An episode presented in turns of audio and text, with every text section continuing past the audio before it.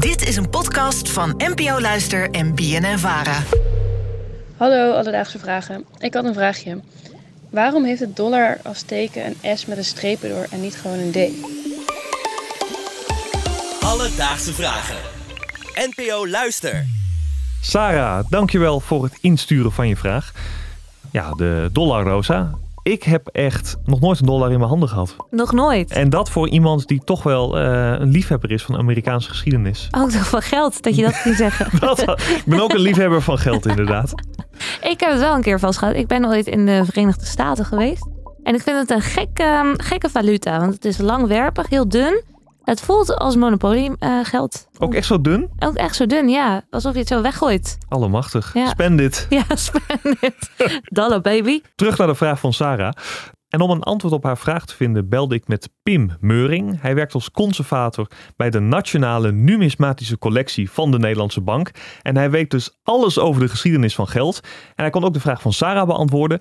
Maar voordat we dat gaan doen, moeten we eventjes de geschiedenis induiken. Want de dollar, ja, dat is niet zomaar de dollar geworden. Hij was er niet ineens, maar is eigenlijk ontstaan uit een andere munt. De munt, de dollar, de Amerikaanse dollar zelf, waar die op gebaseerd is, dat is eigenlijk een uh, Spaanse munt, dus de Spaanse peso. Die peso, dat is uh, uh, munt die eigenlijk door de door Spanjaarden geslagen is.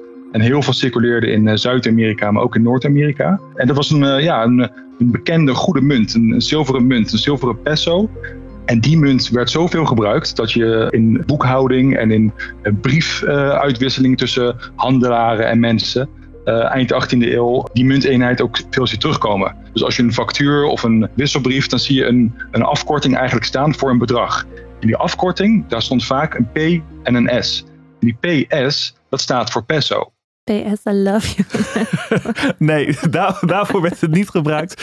Uh, het was gewoon de afkorting dus voor uh, peso, waar de Amerikaanse munt, de dollar, uiteindelijk is uit ontstaan.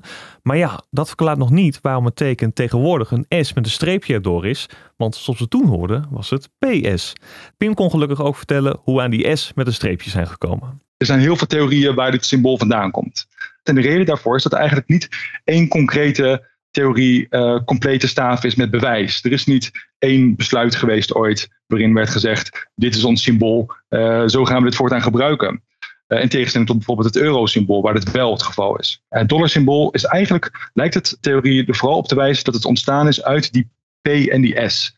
Dus die P en die S die werd in de, in de boekhouding naast elkaar geschreven. Het werd steeds vaker, hoe meer bedragen er werden geschreven, hoe dichter die P en die S naar elkaar toe kwamen als het ware.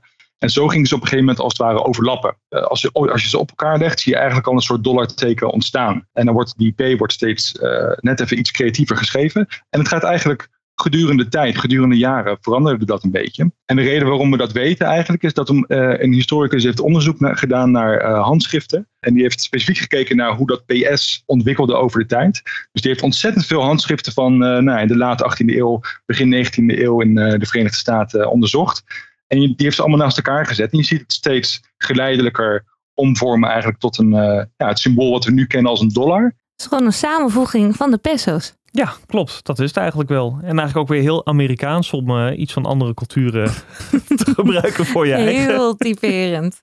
Maar je hoorde hem al even zeggen over het euroteken, want dat, dat, uh, daar ben ik nu ook wel benieuwd hoe dat is ontstaan dan eigenlijk. Ja, nou de euro is eigenlijk een uitzondering wanneer we het hebben over uh, munteenheden. De euro is namelijk van tevoren bedacht van nou, we gaan de euro introduceren en daarbij nemen we dit teken als het euroteken. Maar daar hebben ze gewoon over gestemd. Het teken van de euro, dat komt van de epsilon, het Griekse letter mm -hmm. voor de E. Dat dat dat zou zijn, dus het is gewoon besloten. Zo makkelijk kan het. Zo makkelijk kan het. Daarbij hoef je helemaal geen lange historische omwegen te nemen met wachten tot iets samenvoegt. Alledaagse vragen. Nou, we hoorden het Pim net al zeggen. Er zijn veel theorieën over de totstandkoming van het dollarteken. En nu vertelde hij mij ook een andere. En dat vond ik zelf eigenlijk nog wel een mooiere dan die hij net beschreef. Oh. Een andere gedachte was dat op die Spaanse munten waar ik het net over had, die goede zilveren, zilveren stukken uh, Spaans zilver, er stonden twee pilaren op. Dat waren de pilaren van Hercules. Die pilaren van Hercules die zouden bij de rots van Gibraltar uh, staan tussen Marokko en Spanje in. En het was eigenlijk een mythisch symbool voor dat de wereld hier stopte. En met de Spaanse koloniale uitbreiding zie je eigenlijk dat zij dat symbool gingen gebruiken als na deze pilaren gaat de wereld nog verder. En Spanje is daar de baas. En die pilaren die waren eigenlijk omwikkeld met een soort van nou, versiering in de vorm van een S. En dan heb je dus twee pilaren en de versiering in de vorm van een S. Nou ja, als je dat uittekent, kom je al vrij snel op het dollarsymbool. Dus, Sarah, in deze aflevering zochten we voor je uit waarom de dollar als teken een S met een streepje heeft in plaats van een D. En hierover zijn verschillende theorieën. Maar de meest aannemelijke is dat de dollar ooit begon als de pesos, waar de afkorting PS van was.